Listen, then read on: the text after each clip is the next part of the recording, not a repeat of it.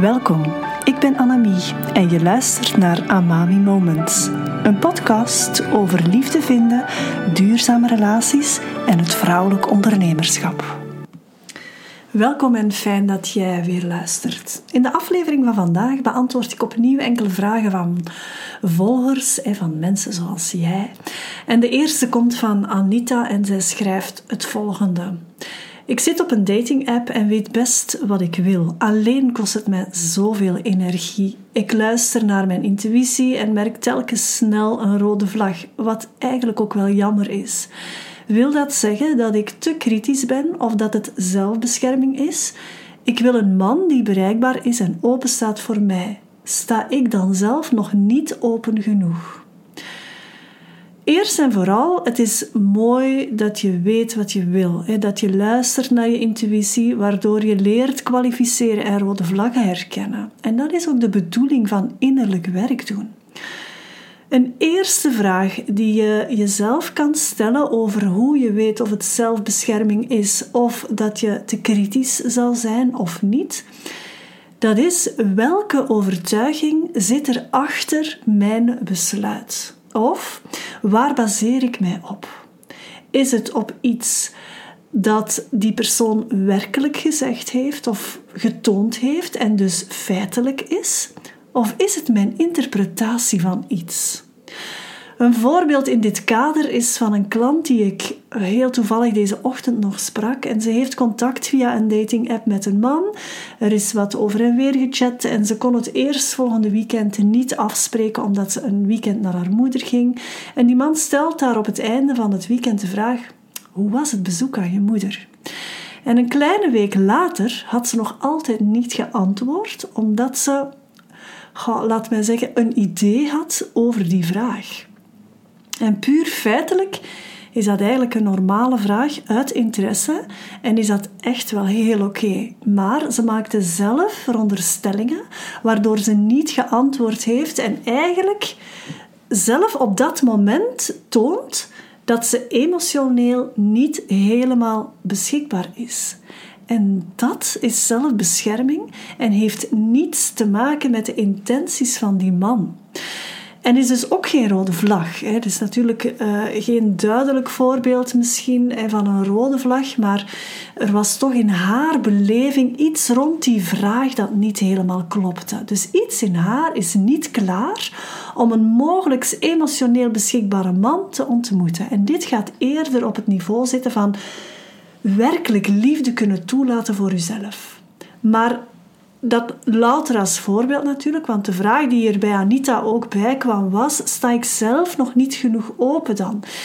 En dat leunt mogelijk aan bij wat ik net zei over het werkelijk kunnen toelaten van liefde. Laat me hier even over uitweiden over de essentie van onze vrouwelijke energie.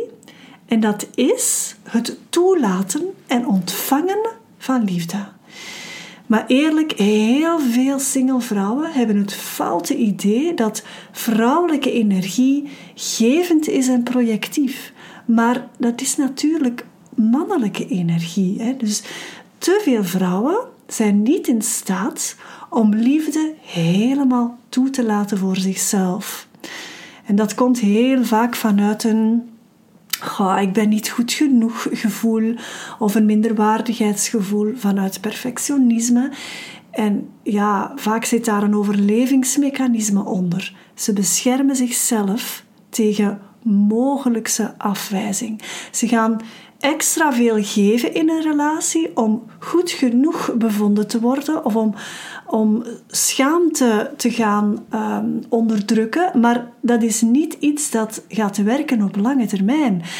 En natuurlijk mag je geven, dat hoort er ook bij, maar jouw essentie is ontvangen, is toelaten.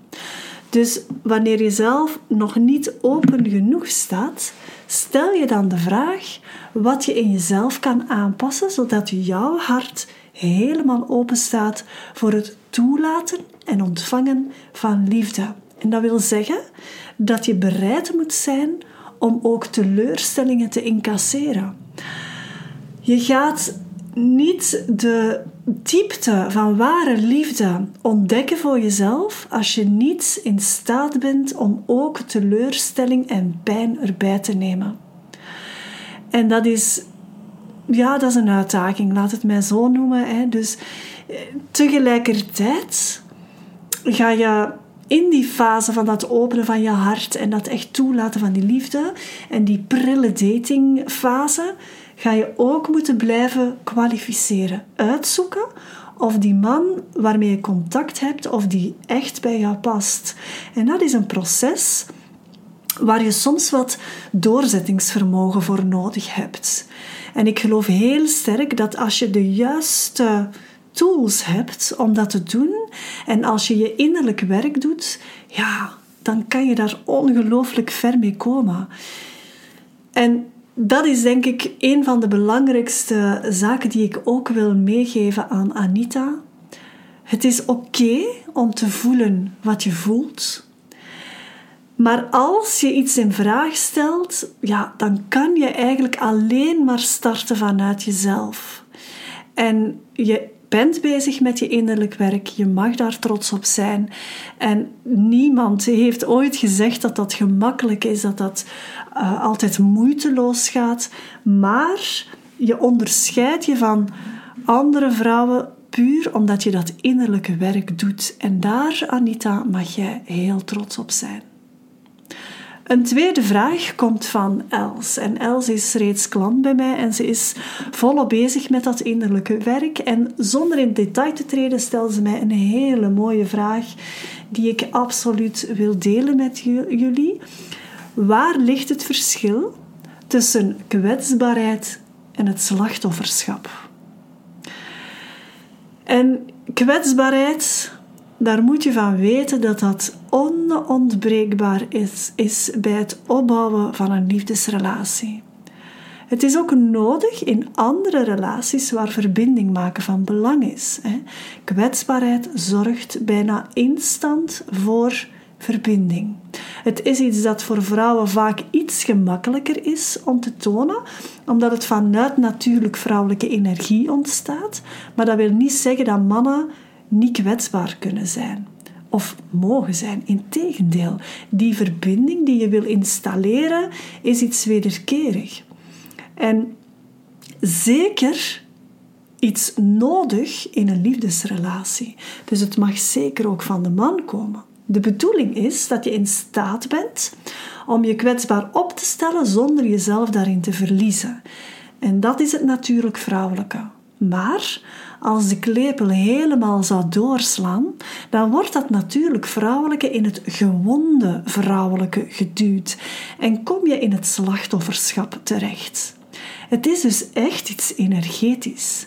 En een tip die ik geef aan mijn klanten is dan dat ze moeten zorgen dat ze kijken naar wat er mogelijk is of waarin ze kunnen groeien voor zichzelf, in plaats van te blijven hangen in alles wat er niet goed gaat of wat er niet aanstaat. Bijvoorbeeld, je vindt het online daten echt balen, dan kan je vanuit je slachtofferrol zeggen hoe hard je dat online daten verafschuwt en dat het jou toch nooit gaat lukken en dat daar alleen maar mannen zijn die iets casual willen.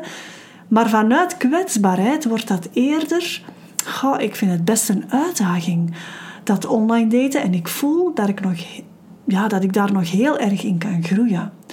Je benoemt dan al meteen het mogelijke potentieel voor jezelf. De kunst is om dat wat je voelt en vertelt, om dat ook te gaan belichamen. Geloof je echt wat je zegt? Want als je in je hoofd in die slachtofferrol blijft en je zou enkel je woorden aanpassen zonder dat ze doorvoeld worden in je lichaam, dan zal je slachtofferschap schap blijven uitstralen. En zit die lading ook op je woorden.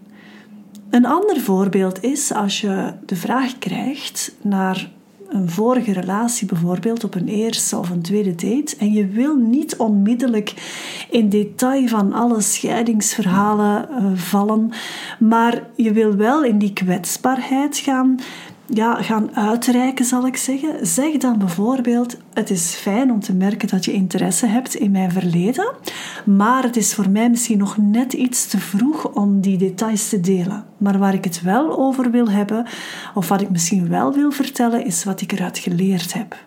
En je voelt dan meteen dat dat een hele andere laag is die er dan wordt aangeraakt. Je vertelt over wie jij nu geworden bent, mede door die scheiding. En dan blijf je weg uit slachtofferschap, maar ga je wel in kwetsbaarheid kunnen gaan. Dat was de vraag van Els. En ik denk dat het een hele mooie vraag is die ehm, jou ook kan helpen. Nu, als jij mijn podcast waardevol vindt, Toon mij dan je waardering door deze te liken, door een aantal sterren te geven bijvoorbeeld en door te volgen, eventueel ook een recensie te schrijven, zodat andere vrouwen ook geïnspireerd geraken en de weg naar hier vinden. Wil je graag mijn begeleiding bij het aantrekken van nieuwe liefde? Neem dan contact met me op via de link bij deze podcast. Verlang jij ook naar die duurzame, fijne liefdesrelatie met die ene speciale persoon? Of wil jij jouw huidige relatie heel graag verdiepen? Neem dan vrijblijvend contact met me op via de link bij deze podcast en ontdek wat ik voor jou kan betekenen.